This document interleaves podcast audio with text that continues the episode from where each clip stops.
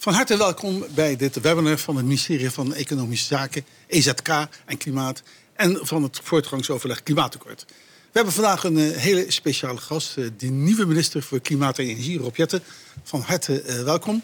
afgelopen vrijdag heeft de minister een hele mooie brief naar de Tweede Kamer gestuurd. Ik heb het even nageteld. Er stonden 59 punten in waarin de taken keurig zijn verdeeld over de verschillende departementen. Er waren 124 voorstellen die te maken hebben met de wetgeving. En tenslotte gaat dit allemaal in mei eindigen in een beleidsbrief van de minister... waarin hij probeert het ambitieuze regeerakkoord ook verder handen en voeten te geven. We zijn heel blij dat we vandaag met de minister kunnen discussiëren. We gaan het hebben over twee onderwerpen in het bijzonder. Eén, hoe kunnen we nou die energietransitie versnellen? Want dat is nodig. Willen we de doelen uit het regeerakkoord halen? En hoe gaan we dat nou in al die gebieden goed organiseren? Hoe krijg je de regio mee? En wie spelen daar allemaal een belangrijke rol? Daar gaan we straks over discussiëren met een zestal gasten die allemaal specialist zijn op hun terrein. U heeft thuis ook de mogelijkheid om mee te kijken, uiteraard om mee te luisteren, maar ook om vragen te stellen. En hoe we dat hebben georganiseerd, dat gaat nu Veer Weustink aan u uitleggen. Yes, dankjewel Ed. Nou, we hebben hier aan tafel natuurlijk gaan we het komende uur een heel mooi verhaal horen van alle aanwezigen. Maar we willen ook van jullie thuis horen of jullie vragen hebben voor de minister. Nou, daarvoor ben ik hier. Uh, ik ga jullie vragen aan uh, Rob stellen zo. Uh, jullie kunnen je vragen indienen via menti.com. Dat is een apparaat wat jullie vast een keer gebruikt hebben met alle thuiswerken. menti.com, intypen in je browser en dan is er een code. En die code, zegt regie, gaat nu onder me in verschijnen. Um, ik zal hem ook nog één keertje zeggen. Het is 56 22030. Nou, hij gaat hieronder verschijnen en uh, ik zal ervoor zorgen dat na elke ronde krijg ik het woord en dan ga ik voor jullie ga ik, uh, die vragen stellen. En geen zorgen, de code komt nog een paar keer in beeld. Nou, Ed, volgens mij gaat hij weer naar jou. Dankjewel. Uh, we hebben afgesproken met u, minister, dat we u gaan tutoyeren. Want we kennen hier elkaar allemaal aan deze tafel. Dus we mogen gewoon uh, Rob zeggen. Het is niet uit gebrek aan eerbied voor dit hoge ambt. Maar wel omdat dat het gesprek wat gemakkelijker maakt uh, voor ons uh, allemaal. Ik heb voordat ik u graag het woord wil geven over waarom u versnelling zo van belang vindt. Gaat meteen mis, hè? Een vraag? U. Ja. ja. ik zie u, ik ben zo, op, zo netjes op. ik heb een vraag nog aan jou even over de opening van het Financieel Dagblad van vanochtend. Daar laat Ingrid Thijssen maakt zich grote zorgen over de vraag... heeft de politiek het u voor het zeggen of heeft de rechter het voor het zeggen? Wat is uw reactie op dat artikel? Ja, um, nou, allereerst als je de cijfers hoort van de brief... die afgelopen vrijdag naar de Kamer is gegaan... dan uh, ligt er heel veel werk uh, voor de komende drie jaar. Um, maar je somde op het aantal maatregelen dat in het coalitieakkoord is afgesproken... het aantal wet en regelgeving dat we de komende jaren naar de Kamer willen sturen. En volgens mij spreekt daaruit heel erg dat de politiek nu eindelijk de lead gaat pakken in het klimaatbeleid. Ik ben heel dankbaar voor alles wat er de afgelopen jaren uh, door het maatschappelijk middenveld en de mede-overheden is gedaan. Maar Den Haag heeft ook te voorzichtig uh, geopereerd als het gaat om het stellen van de doelen, de ambities en de randvoorwaarden. Dat willen we met dit kabinet veel steviger gaan doen. Het staat natuurlijk iedereen vrij om als activist voor beter klimaatbeleid te pleiten, om naar de rechter te stappen als je denkt dat je rechten niet goed worden nageleefd. Maar ik hoop eigenlijk dat we aan het eind van deze kabinetsperiode kunnen zeggen dat dat allemaal niet meer nodig is, omdat we het klimaatbeleid echt een flinke duw in de rug hebben gegeven. Ik wil graag het, het woord geven. Dank.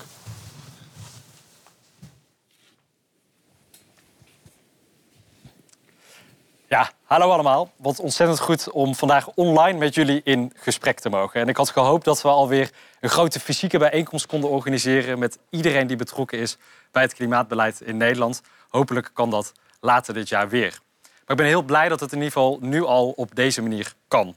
Want we hebben ontzettend veel te bespreken met elkaar en nog veel meer te doen in de komende jaren. Want onze aarde warmt op en klimaatverandering raakt ons allemaal. Het zorgt voor steeds vaker extreme weer. Dat zagen we afgelopen zomer bijvoorbeeld in België, Duitsland en Limburg. Met enorme effecten.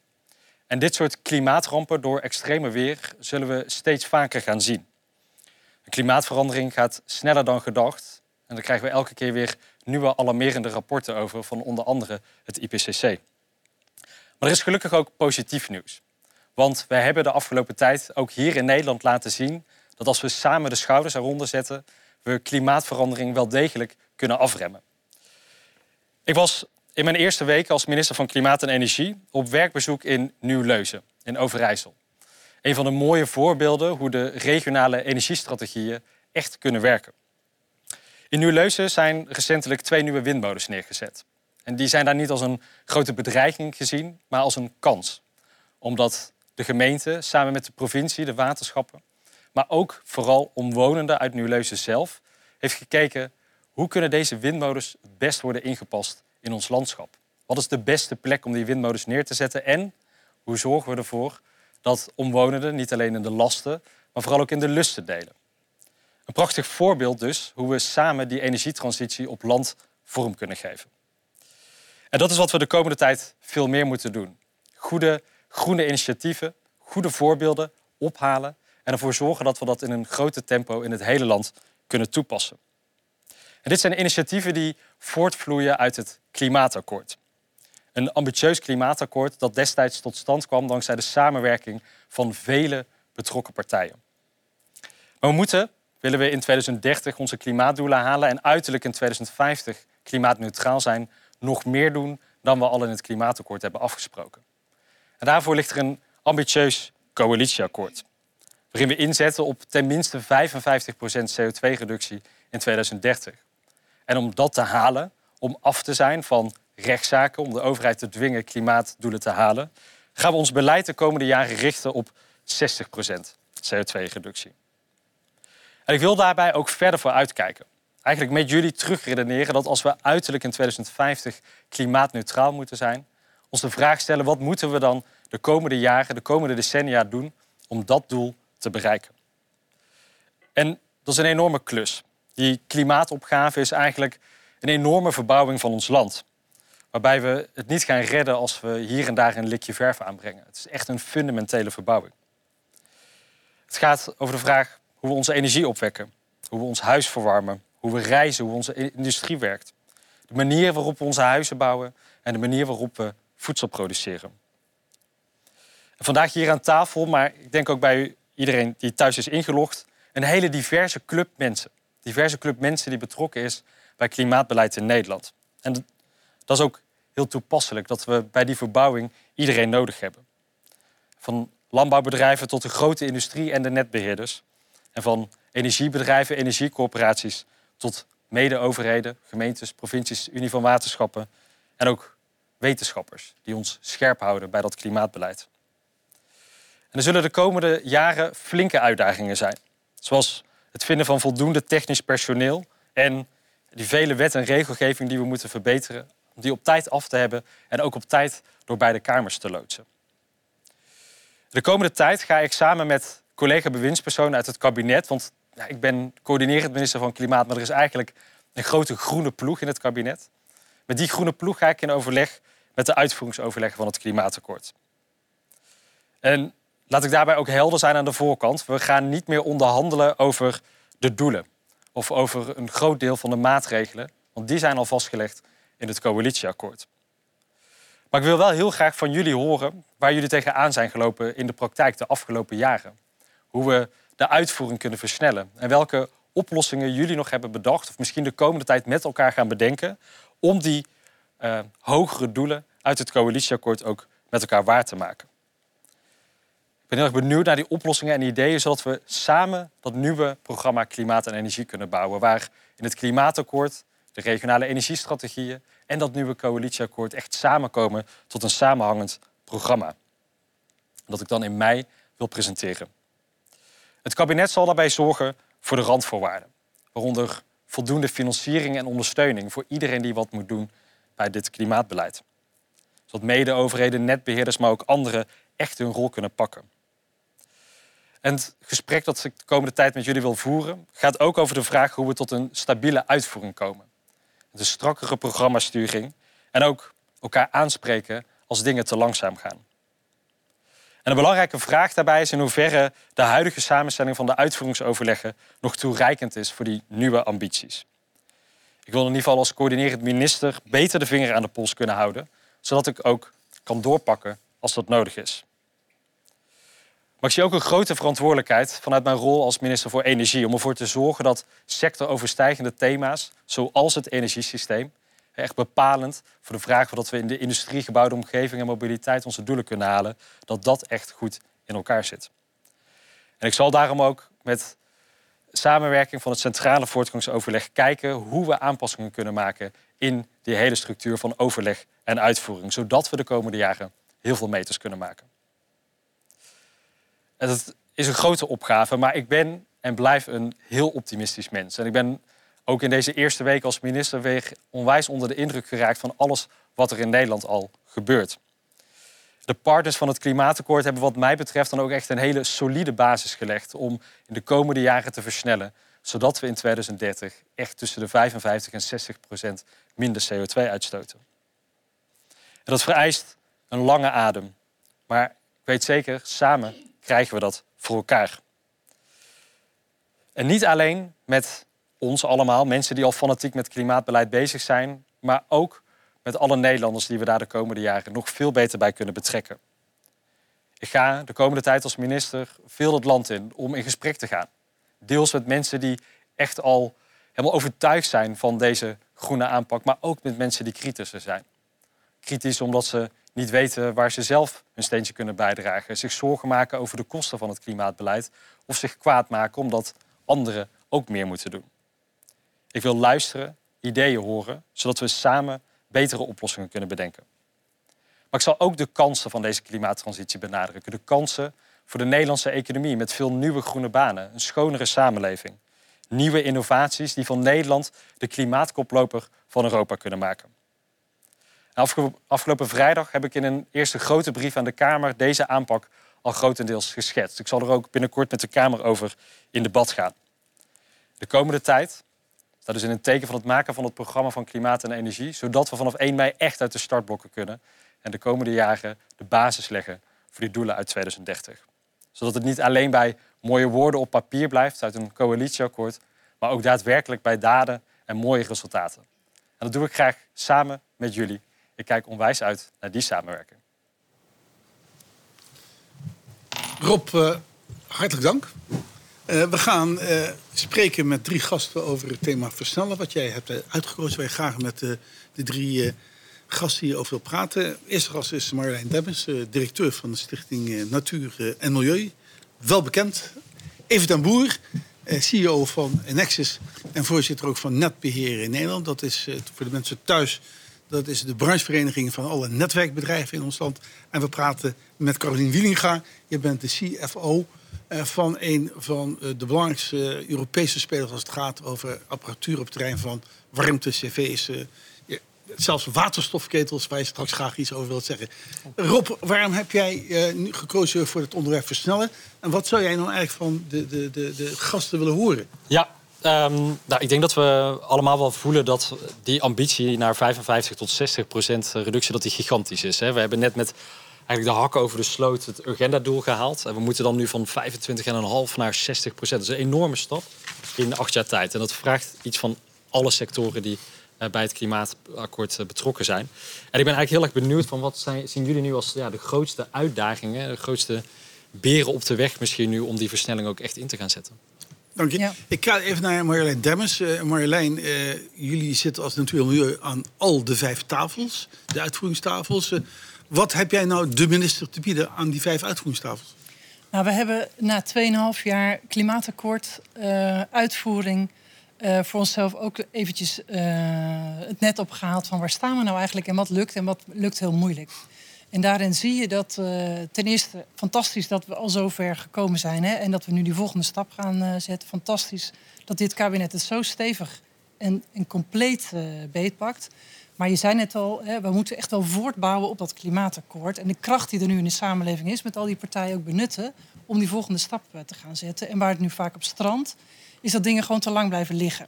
Dus de signalen opvangen vanuit de praktijk en die dan ook daadwerkelijk zorgen dat die ook op tafel komen op het goede niveau, zodat we ook oplossingen kunnen bedenken en prioriteiten kunnen stellen, want daar gaat het vaak ook om. Ja. Dat is echt super belangrijk, want nu blijven dingen soms te lang liggen En gaan we daarmee eigenlijk al het risico lopen dat we de doelen van het klimaatakkoord niet halen? Terwijl we nog zoveel extra willen doen. Hoe is dat te Dus organiseren, is, Rob? eh, Nou ja, dit eh, is zeer terecht punt. Ik, heb, eh, ik denk dat overigens dat hele demissionaire jaar ook niet echt heeft eh, geholpen. Eh, excuses dat die formatie zo lang heeft geduurd. Maar ik zie het op mijn eigen dossiers al. eh, allerlei eh, dossiers waarvan ik denk, eh, wat jammer dat die het afgelopen jaar al niet door de Tweede Kamer zijn gegaan. Want dat had ons zo enorm geholpen in bijvoorbeeld de warmtetransitie eh, in, de, in de wijken. Dus ehm, ik, ik daag mijn collega bewindspersonen ook echt uit om veel meer eigenaarschap eh, te laten zien aan die tafels. Hè. Ik wil dat eh, Hugo de Jonge bij de gebouwde omgeving veel meer betrokken raakt. Mickey Adriaans bij de industrietafel, ga zo maar door. Ehm, zodat daar ook veel meer het gesprek kan ontstaan. Wat blijft er liggen en wat gaat het vakdepartement eraan doen om dat te versnellen? Je Ja, snapt, mag reageren, even. want, want Ja. eh, daar, daar ligt denk ik nog een hele kluif. Hm. Omdat het is omdat andere ministeries toch, eh, voor andere ministeries dit toch een beetje in een bijzaak is geweest, als ik het even gechargeerd zeg, moeten die nu een enorme stap maken. En dat betekent vanuit de bewindspersoon een andere houding, maar ook vanuit de ministeries zelf. Dus je kijkt dat bijvoorbeeld de vrachtwagenheffing vier jaar is blijven liggen. Dat is eigenlijk gewoon te gênant voor woorden. En we hebben nu betalen naar gebruik hè, op de agenda staan. Ja, dat is natuurlijk een heel mager begin om te komen tot een betalen naar gebruik die werkelijk nodig is om doelen te halen. Ja. Dus Hoe kun je haar vertrouwen geven? Nou ja, ik, ik moet zeggen dat ik de afgelopen vijf weken zelf eigenlijk wel blij verrast ben met het eh, enthousiasme en de motivatie bij mijn collega's in het kabinet om allemaal een steentje bij te dragen. Ehm, dat, dat, en, en ook gesprekken die we al met departementen hebben gehad, ik merk dat daar ook wel echt de knop om is. Eh, maar het is wel spannend. Eh, en het gaat zeker bij de uitwerking van het programma de komende maanden nog behoorlijk schuren. Maar dan, dan komt mijn coördinerende rol in beeld. Want ik wil er wel voor zorgen dat ik via het centrale voortgangsoverleg ook heel scherp heb waar het spaak loopt. En nou, ik wil eigenlijk maar gewoon heel eh, managementachtig met dashboards gaan werken, zodat ik ook mijn collega's kan aanspreken. Wat heb je nou gedaan om daar te helpen bij die versnelling? En wat als het niet lukt, ja, moet ik dan als minister voor Klimaat en Energie even komen helpen duwen om het anders te forceren? En die dynamiek moeten we de komende tijd met elkaar eh, gaan Ik denk, ik denk dat we ook wel kunnen gaan versnellen als je het hebt over de bebouwde omgeving. Hè. Als je kijkt naar het energieverbruik in een huishouden, dan gaat 30% daarvan op aan de verwarming Ja. van, het, eh, van het huis of water. Ehm, met de hybride warmtepomp, en heel fijn dat die als norm wordt gehanteerd, ehm, eh, kun je de, tot nou, 70% gasverbruik verminderen. Dus dat is ontzettend belangrijk om dat te stimuleren. We zien nog dat dat allemaal even goed nog vrijblijvend is hè, voor de eindgebruiker om dat wel of niet te gaan doen. Nou, met behoorlijk wat subsidie is het voor een eindgebruiker nu ja, zo rond de 3000 euro. Is natuurlijk nog steeds een hele bak met geld. Wat ik echt eh, aan je wil vragen, is kijk ook even naar die WKR-regeling. Om te kijken of je die kunt verruimen voor wer- grote werkgevers in Nederland. Die dan, zeg maar, in plaats van een leaseauto, een hybride warmtepomp bij het hybride wer- werken. Dat klinkt natuurlijk ook Ja. heel mooi. Ehm, eh. Via de vakantiedagen als een soort van fietsenplan kunnen Ja. Hè, die Ja. versnelling Rob, laten. Nou ja, hier zitten eigenlijk twee hele interessante dingen in. Aan de ene kant ehm, eh, het, het zoet en het zure. hè. Dus ik denk dat we de afgelopen jaren als politiek, heb ik zelf ook aan meegedaan, een aantal keuzes als het gaat om normeren, beprijzen, echt voor ons uit hebben geschoven. Dus het was heel erg met eh, nou ja, subsidiëren, stimuleren. Maar ja, we hebben wel gezien, zonder die normen kom je er ook niet. En eh, dus ik wil op een aantal van die onderwerpen met, met, met het ministerie van Vrouw, het ministerie van Financiën echt ervoor zorgen dat we dit jaar al een aantal eh, duidelijke normen stellen om te helpen bij die eh, versnelling. Het tweede punt wat je aansnijdt gaat eigenlijk over ontzorgen. Eh, hè, vorige week het nieuws dat 1 op de 5 particuliere huiseigenaren wel wil verduurzamen, maar het niet kan betalen. Nou, voor die groep moeten we echt hele specifieke dingen doen. Maar die 4 op de 5 die het wel kan betalen, ja, die is het ook nog niet massaal aan doen, omdat die zich soms afvraagt. Waar moet ik beginnen? Eh, wat is eh, een betrouwbare installateur? Eh, doe ik het alleen of doe ik het met mijn normeren dan? Nou, dat is, op cv-ketels? nou ja, we hebben in het coalitieakkoord hebben we ook voor cv-ketels natuurlijk al normen met elkaar afgesproken. Dus dat, dat, dat moet je doen. Maar ik geloof dat je ook dan ervoor moet zorgen dat je mensen ontzorgt. Door Ja, meer pakketten aan te bieden, programma's En wat je nog met cv-ketels kunt doen, is je kunt ook nog eh, tot 20% groen gas bijmengen. Hè, en op het langere termijn zelfs overstappen op waterstof. Ook voor de bebouwde omgeving, daar wil ik toch ook voor pleiten. Hè, eh, dat eh, groene waterstof daar ook voor ingezet kan worden. De eerste eh, cv-ketels op, eh, op eh, Is dat- 100% waterstof, die bestaan al en die worden al gepilot. Rob, is dat, alternatief in de, is dat een reëel alternatief voor de komende kabinetsperiode? Groene waterstof? Mm, nou, in de ik- huishoudens? Ik vrees niet niet dat we zo snel zoveel groene waterstof uh, gaan, uh, gaan produceren. Maar ik, kijk, en, uh, ik vind dit een van mijn grootste dilemma's. Dus aan de ene kant zie je dat er heel veel innovaties zijn, dat er nog betere oplossingen aankomen. Maar ik wil wel voorkomen dat ik aan het eind van deze drie jaar zeg... nou, ik heb zitten wachten tot het perfecte plan af is. Want dat kunnen we ons ook niet veroorloven. Dus het wordt steeds zoeken naar nou, welke stap durf je nu al te zetten omdat het echt moet? En hoe houd je wel een beetje een open blik voor uh, dingen die uh, er ook nog aan zitten? Ja. Ik ga even naar even toe. Ja. Even uh, jullie spelen een cruciale rol, want de, de, het net is overvol. We hebben congressie op de netwerken. En we zijn eigenlijk wat te laat met het inspelen op wat die burger en de maatschappij allemaal wil leveren aan duurzame elektriciteit. Wat heb jij aan, de, aan Rob te bieden? Nou, wat, ik ben in ieder geval om te beginnen blij met de voortvarendheid en de ambitie. En vooral de commitment ook om meer regie uh, te pakken. Wij zullen echt alles op alles zetten. Wij groeien nu met ongeveer 10% per jaar. Lukt het ons om een netcapaciteit uit te breiden. Maar dat is nog niet genoeg. En ja, wat wij echt nodig hebben is een plan. En dat zie ik heel erg duidelijk terug in de brief van vorige week ook. Het Nationaal Plan Energiesysteem 2050. Ja. Want ons is wel duidelijk geworden, we kunnen niet alles oplossen met uitbreiding en verzwaring van die netwerken. We moeten daar veel meer intelligentie in brengen en echt vanuit een centraal plan met een regie dat, dat gaan doen. En ook die keuzes maken. Ik begrijp dat de wettelijke mogelijkheden beperkt zijn om, om keuzes te maken wat wel niet. En toch moeten we instrumenten bedenken, ja. bedenken met elkaar. Hoe kunnen we toch vanuit een soort maatschappelijk optimum die transitie op een efficiënte manier laten verlopen? Want wij, zijn, wij dreigen nu de bottleneck te worden. Wij zien ook wat er nu op ons afkomt, dat dat wel structureel zou kunnen worden. Dus we moeten ons echt inrichten op een wereld waarin netschaarste blijft. En daarbinnen hoe we de beste keuzes met elkaar maken. En ja, wij kunnen die keuzes nu niet maken. Dat willen we denk ik ook helemaal niet. Maar daar kijken we echt naar, naar Den Haag of naar, naar overheden in de provincie en de gemeentes om dat soort keuzes eh, te maken. Ja. Nou ja, volgens mij het laatste dat we allebei willen is dat in 2030 uh, de industrie of de mobiliteitssector wij waren er klaar voor, maar uh, het net kon het niet aan. Dat, dat, dat gaan we niet laten gebeuren. Dus er moet veel gebeuren.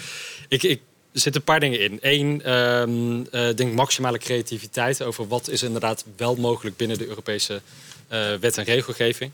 Um, beter met elkaar prioriteren. Uh, toch kijken hoe we uh, vergunningverlening, juridische procedures kunnen versnellen. Nou, daar heb ik ook een aparte brief over naar de Kamer gezet. We gaan het deze week met de Kamer over debatteren. Maar de bottleneck, een van de bottlenecks is bij jullie natuurlijk ook gewoon uh, de arbeidsmarkt. En, krijg je, en jullie zijn ontzettend goed bezig als netbeheerders en, en, en, en netwerkbedrijven met eigen opleidingen, mensen naar binnen halen. Maar ja, het is zoveel. Dus ik ben ook wel benieuwd, kunnen we het op een andere manier gaan doen? Zodat je met ja, dezelfde hoeveelheid mensen toch ja, meer werk uh, ja, kunnen we het Wat doe je? Ik, ik, ik denk dat daar nog heel veel potentieel zit. He, dus zorgen dat, dat we die netten op een efficiënte manier ja. uitbreiden. Dus met de schaarste die er is, ja. zo efficiënt mogelijk dat werk doen. Daar is nog heel veel te halen. We zullen natuurlijk moeten investeren in het opleiden van nieuwe, nieuwe mensen. Maar ik denk dat we ook internationaal moeten gaan kijken. Welke, welke internationale aannemers kunnen ons in Nederland gaan helpen met deze enorme opgave? Het kabinet praat, het kabinet praat over groene banenplannen. Uh, is dat ook een antwoord nou ja, dat, dat, daar gaan we zeker samen ook mee aan de slag. Uh, ik denk dat het uh, voor een deel is het ook, hoe kun je meer mensen verleiden voor technische beroepen. Uh, meer meiden en dames verleiden om voor technische beroepen ja. te kiezen.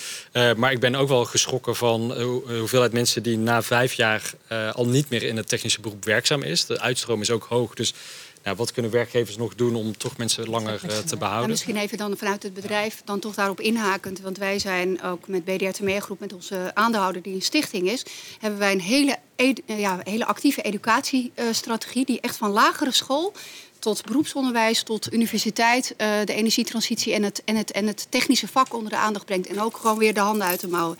Ik denk hè, dat het installatievak echt heel interessant uh, kan zijn en steeds meer wordt. Maar we moeten gewoon met z'n allen ook uh, het beroep, hè, uh, installateur of ondernemer, gewoon weer, weer beter op de kaart zetten. Er kan heel veel geld mee in verdiend worden, dus dat, is, dat is, zou het ja. ook aantrekkelijk moeten maken. Maar we moeten ook het oude sector, het, het beroepsonderwijs. Ja. Dus we moeten ook kijken welke sectoren gaan krimpen. Ik bedoel, de luchtvaart moet krimpen. In de landbouw gaan we te maken krijgen met krimp.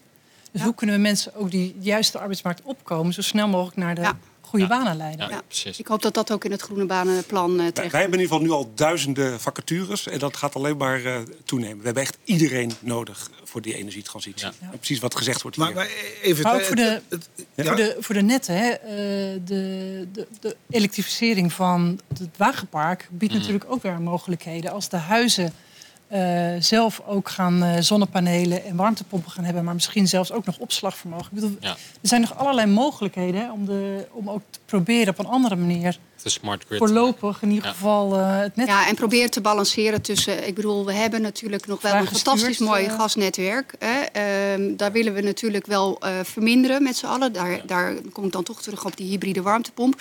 Hè, maar we moeten balanceren. En dat. dat, dat eh, maar, maar mijn punt is ook wel echt om het slim te doen, die energietransitie Ja. slim. Ja. Want wat je nu ziet gebeuren, dat alles op het verzwaren van die netten, Mm. daar loop je tegen alle Ja. grenzen aan. En we zullen gewoon slim opslagsystemen moeten inzetten. Vraag en aanbod meer bij elkaar moeten organiseren. Dat Ja. we niet die stroom steeds het hele land door moeten even de minister nu. Nou ja, nee, het is, het is en en en. Dus het is eh, hoe be- behoud je ons eh, fantastische gasnetwerk straks voor groen gas en voor waterstof? Hoe kun je toch kijken op welke plekken je wel echt ook netverzwaring moet toepassen? Maar hoe plannen we dat dan op zo'n manier dat het allemaal in de tijd ook eh, goed eh, uitkomt? Ja. En hoe kun je het slimmer organiseren? En hoe gaan we die samenleving meenemen? Hè? Want ik denk dat de partners, hè, waar je je ook toe richtte net, van het klimaatakkoord, die zijn inmiddels wel allemaal aan boord, Ja. eh, is mijn beleving. En die zien ook wel dat die vervolgstap nodig is. Maar in de samenleving is natuurlijk nog een hele grote groep mensen die dit helemaal niet meemaakt.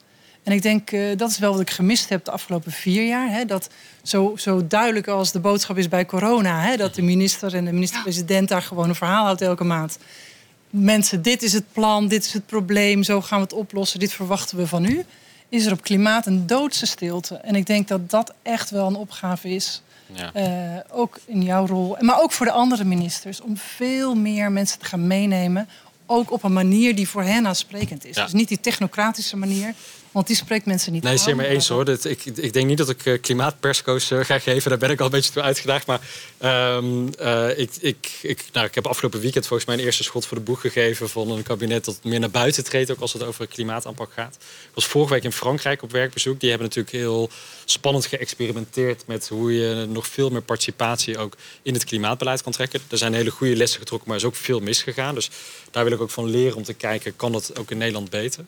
Eh, maar volgens mij hebben we juist gemeentes en, en, en anderen ook bij de regionale energiestrategieën, maar ook bij pilotwijken rondom de warmtetransitie, al laten zien hoe je toch op een hele goede manier ook mensen erbij kan betrekken. En eh, ik zie het wel ook als mijn taak om te kijken hoe we vanuit die best practices toch een soort van kader kunnen maken waar iedereen van kan profiteren. En je eigenlijk in het hele land op dezelfde manier, eh, nou wel met maatwerk natuurlijk, maar meer gelijksoortig ook mensen bij de klimaataanpak gaat betrekken. En voor een groot deel is het ook natuurlijk nog gedragsverandering. Dat is heel spannend.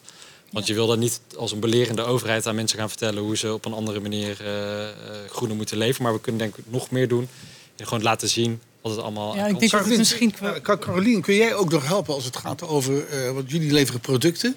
Maar het, het helpt de mensen te overtuigen dat die producten deugen. Ja. moet niet maar allemaal dat van is de overheid komen. Ontzettend belangrijk. Hè? Het is niet verplichten, het is verleiden. Dat is eigenlijk Ja. wat je wilt. En eh, dat je laat zien hoe, hoe dat werkt. En dat het een hele comfortabele manier is om je huis te verwarmen of om je water eh, warm te, te houden. Hè? En dat er meerdere mogelijkheden zijn. Dus dat is ook zeker een taak voor ons. Wij zien ook waanzinnig veel kansen als bedrijf. Hè? Eh, en we zien ook, eh, ja, we zien ook ontzettend veel mogelijkheden om, eh, om daarin uit te breiden en te, en te innoveren. Ehm, ehm, maar we moeten, het is wel een, een taak die je door, in de keten met elkaar moet, moet doen. En ik ben het met jou eens, Marjolein. We zullen het met z'n allen veel meer moeten gaan communiceren. Ja. Dus, en alle brancheverenigingen, alles daarvoor inzetten om en meer mensen erbij te betrekken, eh, daar waar het zeg maar eh, arbeidskrachten betreft. Maar vooral ook die eindgebruiker eh, Ja, en ik te denk die- overtuigen. Die communicatie die gebeurt natuurlijk al wel, hè?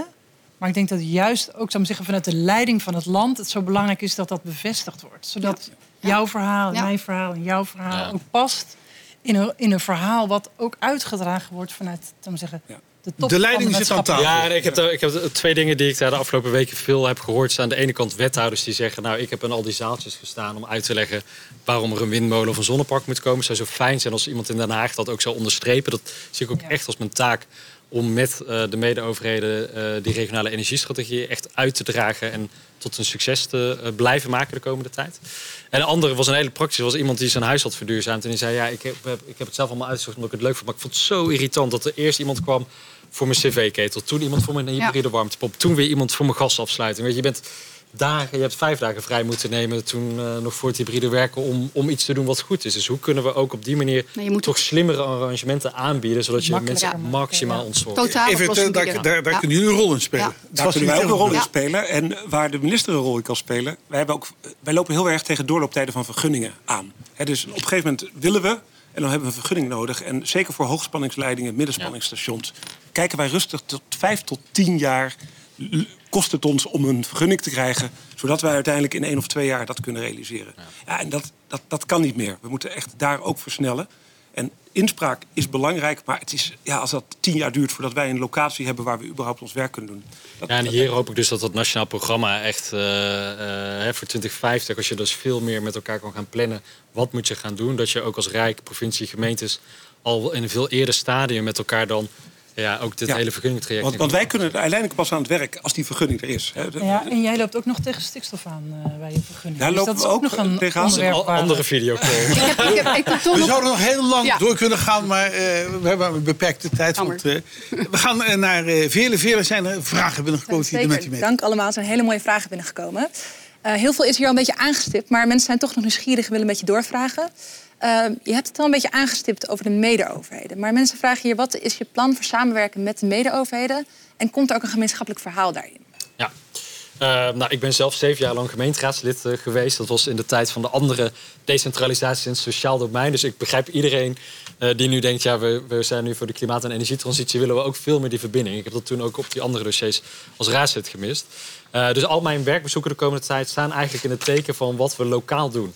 Uh, want ik kan in Den Haag allemaal mooie teksten op papier schrijven. Maar het gaat er uiteindelijk om wat je bij mensen in de straat, in het huis en in de wijk uh, voor elkaar bokst. En ik wil heel graag een gezamenlijk verhaal maken. Dus een gezamenlijk verhaal over die uh, regionale energiestrategie, over de warmtetransitie. En het maakt voor een inwoner natuurlijk echt niet uit wie er voor verantwoordelijk is.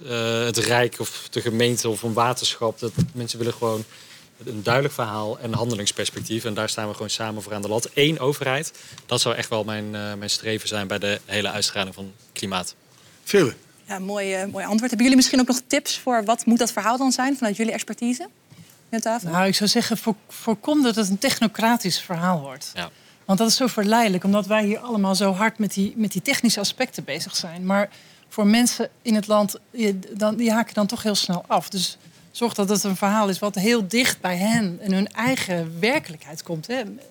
Van hybride warmtepompen tot hoe ga je nou duurzaam mobiliteit uh, doen. En maak het heel dichtbij, maar vergeet niet om ook de urgentie wel steeds over te brengen. Want mensen hebben dat nog totaal niet door dat, het, dat we echt op zo'n gevaarlijk moment in de tijd staan waar we nu nog de boel kunnen keren, maar we hebben niet veel tijd. Ja. Rob, kijk even naar Evert. Hè. Uh, onze netwerkbedrijven behoren tot de top van de wereld.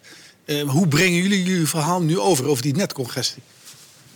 Ja, nou, we hebben van de week, vorige week hebben we een plan eh, in een brede coalitie aangeboden, ook aan, aan, aan, de, minister.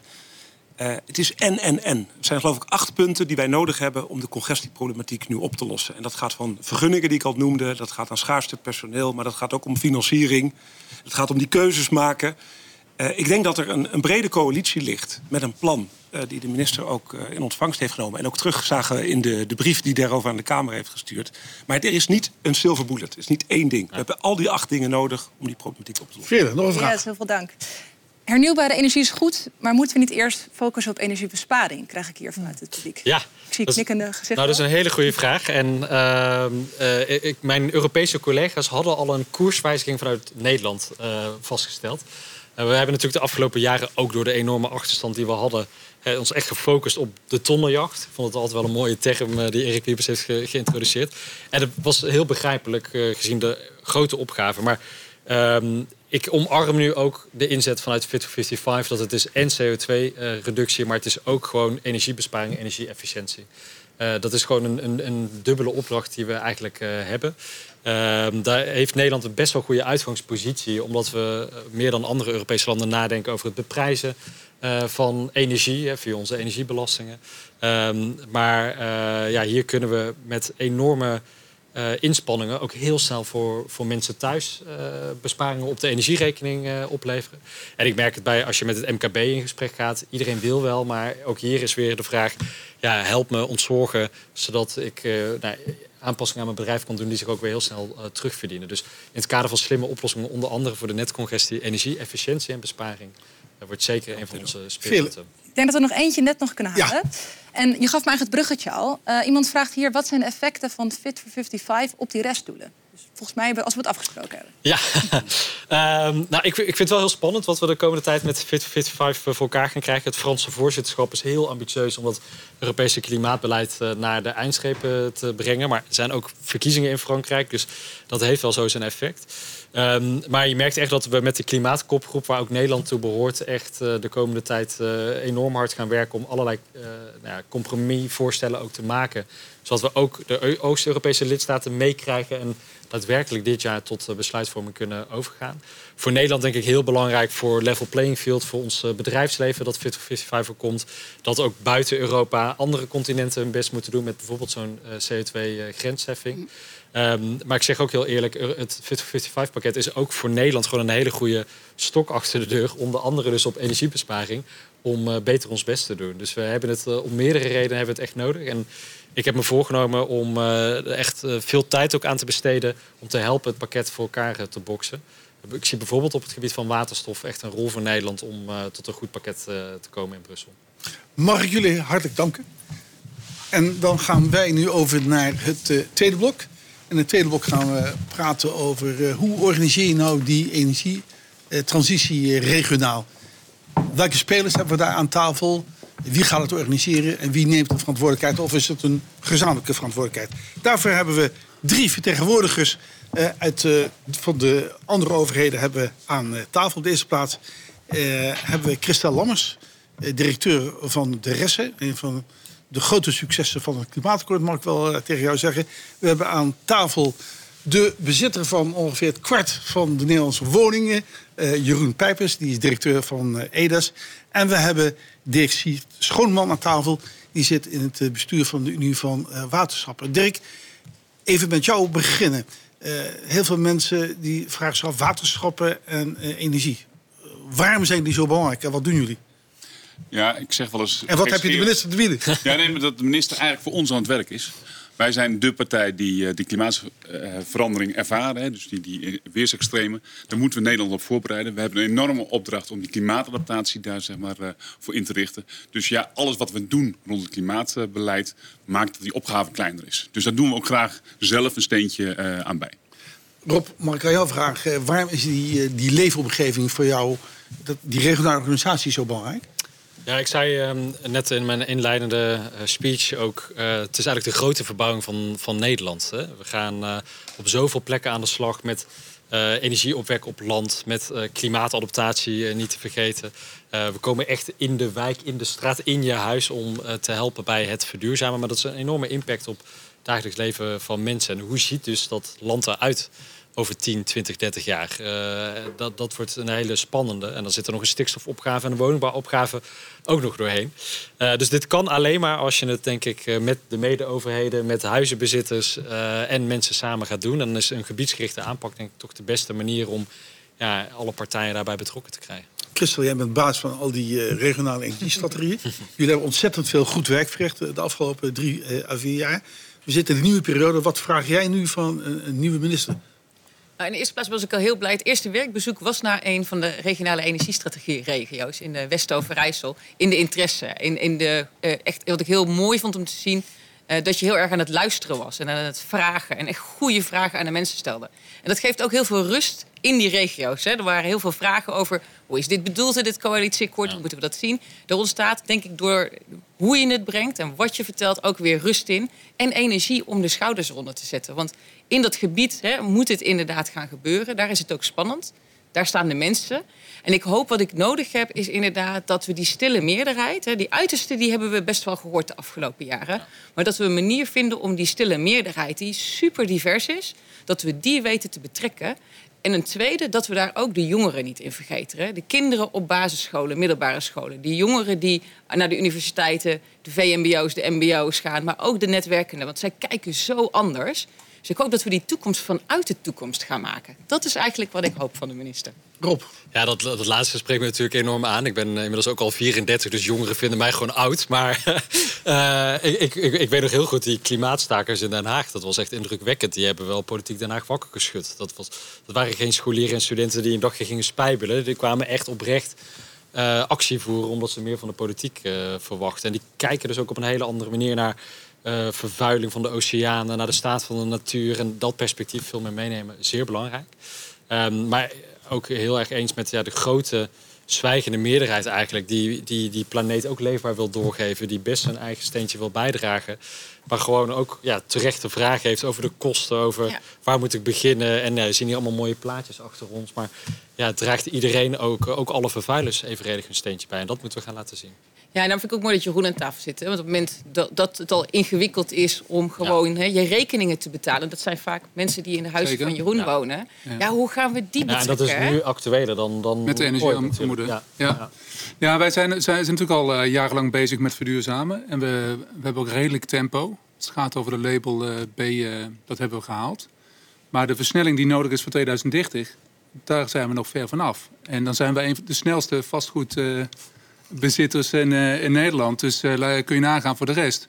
En daar hebben we echt ook wel hulp nodig van de minister om uh, die versnelling wel te realiseren. En dat gaat met name om, ben nou gewoon stabiel in je doel. Hè? Zorg ook echt voor die wettelijke kaders. Die warmtewet, dat, dat moet nou toch onderhand eens een keer allemaal gaan lukken. Hmm. Zodat die kaders duidelijk worden. We hebben te maken bijvoorbeeld met inspraak als burgers in de gemeente. Wat onze huurders natuurlijk ook zijn. Maar ook inspraak als huurder richting de verhuurder. Nou, het kan niet zo zijn dat uh, de wijk zegt... we gaan uh, dit doen, we gaan op een warmtenet... en dat ze in hun relatie als huurder dat ze gaan zeggen... nou, toch maar niet, want dan zitten wij shock en klem...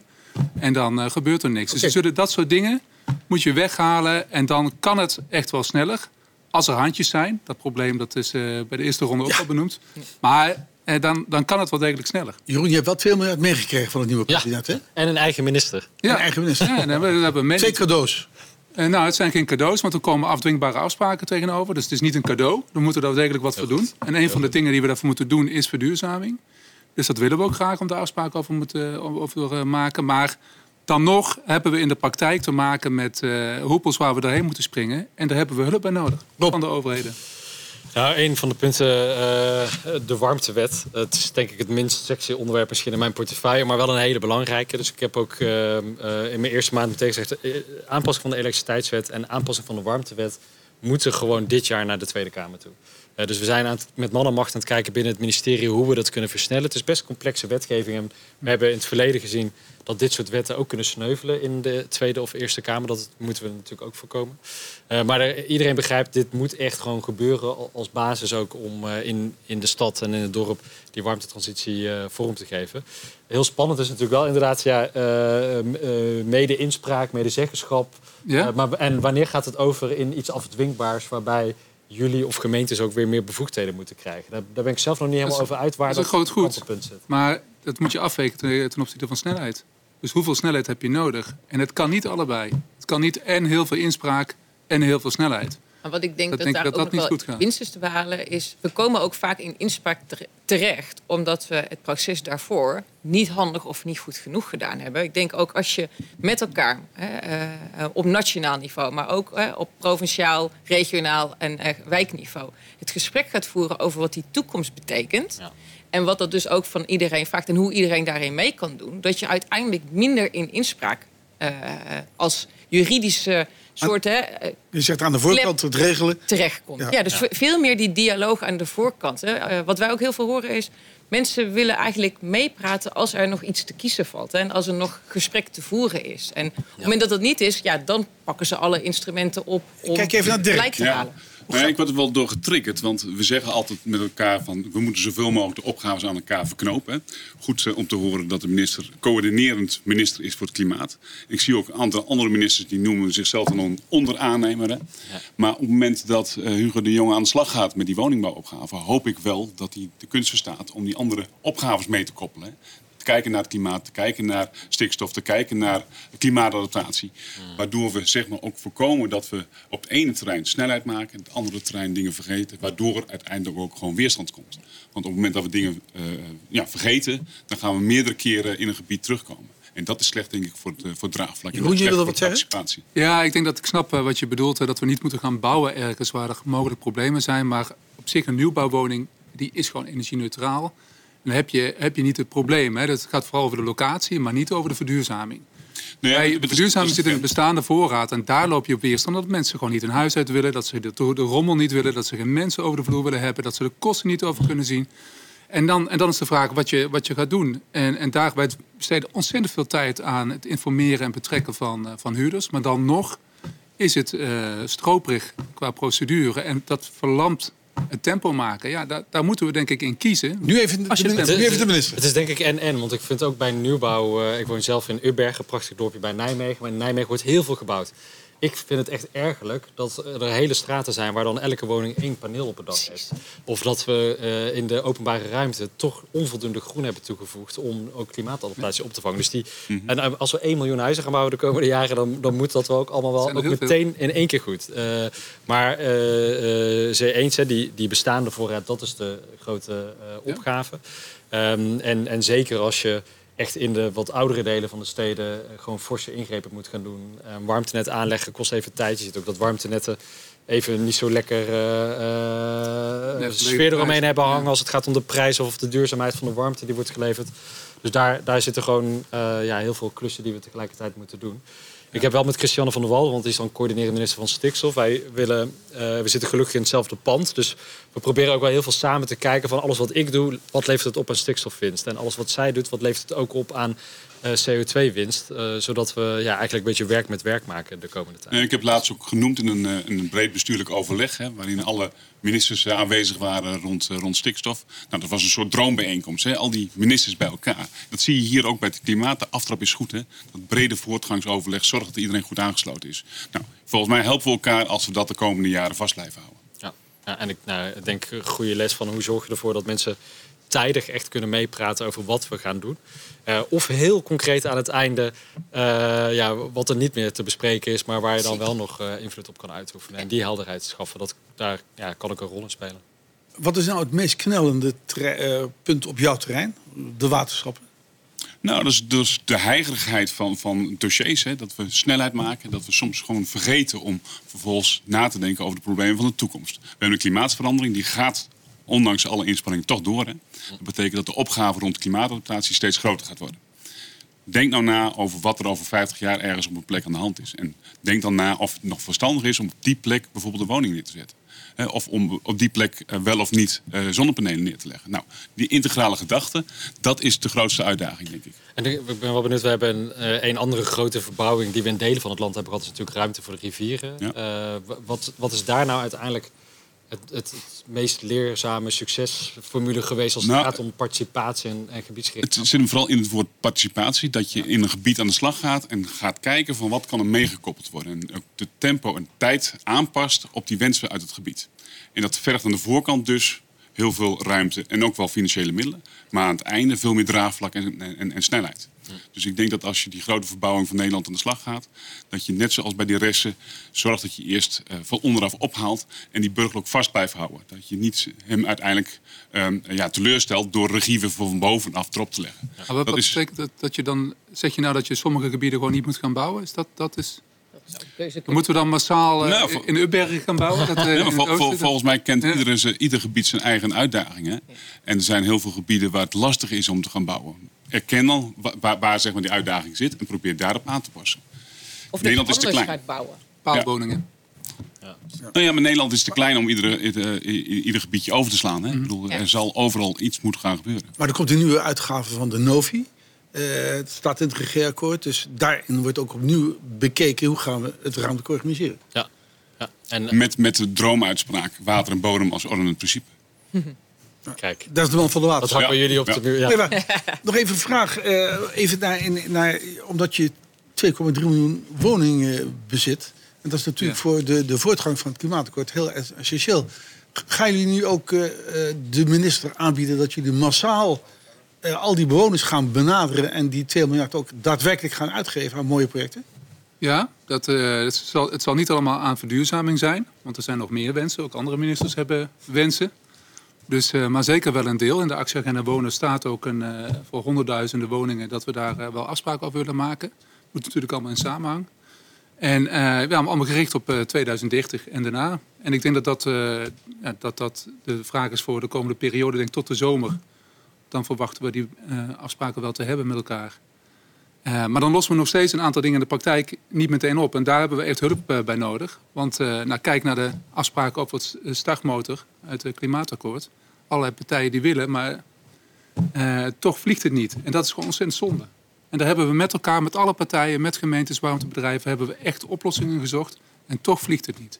En dan zijn er weer nieuwe hoepeltjes. En daar moeten we echt even doorheen. Maar wat is dan de belangrijkste oorzaak waarom het niet loopt? Daar ging met name over dat de particulieren toch twijfels hadden. Dat wethouders toch signalen gaven van... Uh, nou, het is toch wel lastig in die wijken om uh, het percentage wat resteert... om dat uh, te overtuigen. En dat waren heel betrokken wethouders. Hè, Lot van Hooijdonk, Utrecht bijvoorbeeld. En die vonden het toch lastig om dat verhaal te verkopen. En uh, ja, daar, zit een, daar zit een bottleneck. Maar dat, dat is eigenlijk een bruggetje ook naar het eerste gesprek. Hè, van hoe vertellen we gewoon het verhaal van die urgentie beter. Ja. Uh, dat we met z'n allen dit moeten gaan doormaken de komende jaren. En dan ontzorgen, zodat ja. uh, mensen er niet te angstig of zo van worden. Ik ben, ik ben wel heel benieuwd nog of dat jullie ideeën hebben... Kijk, wij zitten nu door die Oekraïne-crisis, hoge gasprijzen... ook in een enorme discussie rondom die, die energierekening. Uh, daar hebben we, het vorige kabinet heeft gelukkig 400 euro tegemoetkoming voor iedereen op de energierekening kunnen organiseren. Maar uh, ik ben toch benieuwd, kunnen we nog meer doen om gerichter uh, die energiearmoede aan te pakken? Want dat kan ook weer helpen bij het draagvlak voor de Zeker, Zeker. wij hebben voor de 500 miljoen al afgesproken dat we EFG-labels gaan aanpakken. Dus die moeten in 2028 weg zijn. dat helpt nu niet, hè? want het kost gewoon zoveel tijd om het te operationaliseren. Dus daar hebben we nog een klemsituatie. Maar uiteindelijk willen we alle EFG-lepels weg hebben. Ja. Uh, versneld. Uh, dus ja, dan je zit daar met, met, met tijd. En dus er zit een financieel probleem in die tussenperiode. En maar ja. ja. Wat daar misschien ook wel interessant is. Want we hebben nu heel erg gekeken naar de uh, onderwerpen in de fysieke omgeving die elkaar raken. Hè? Dus wonen, klimaat, energie, uh, stikstof. Maar hier heb je natuurlijk ook die sociaal domeintransitie. Toen, ja. toen je raadslid was in Nijmegen heb je hem gezien hier zit natuurlijk ook een koppeling tussen sociaal en, ja. uh, en fysiek. Hè? Dus tussen sociaal en energie. En die wijkteams, die zou je misschien ook meer kunnen benutten om met energie aan de slag te gaan. Hè? Zodat er een ander verhaal aan die keukentafel plaatst. Bestaande structuren gebruiken om ook een ander gesprek te voeren. Ja, ja, en ik ben ook heel erg van overtuigd dat als, als het geen sociale transitie is... dan mislukt ook de groene transitie, want dan ga je het draagvlak... Energietransitie is een sociale ja, transitie. Absoluut.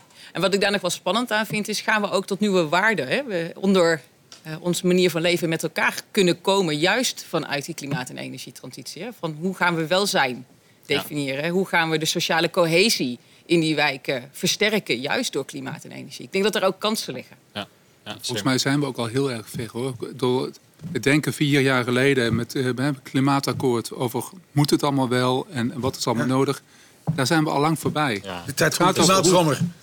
Ja, het, gaat over, over, nee, maar het gaat over uitvoering en alle problemen in de uitvoering. Er zitten nog heel veel hele lastige keuzes. Dat, dat loop ik zeker niet van weg. Maar het gaat niet meer over de vraag of we het moeten gaan doen. Mag ik jullie heel hartelijk danken voor dit uh, gesprek. Ik ga naar Vele. Vele. Er zijn weer hele mooie vragen gesteld. Ik werd aan het digitale mouwtje getrokken. En mensen zeiden tegen mij, over mobiliteit wordt nog niet zo heel erg veel gezegd. Nee, klopt. Kunt u wat vertellen over wat een duurzame strategie daar is? En ook vooral hoe zorgen we dat die vrijblijvendheid er een beetje uitblijft?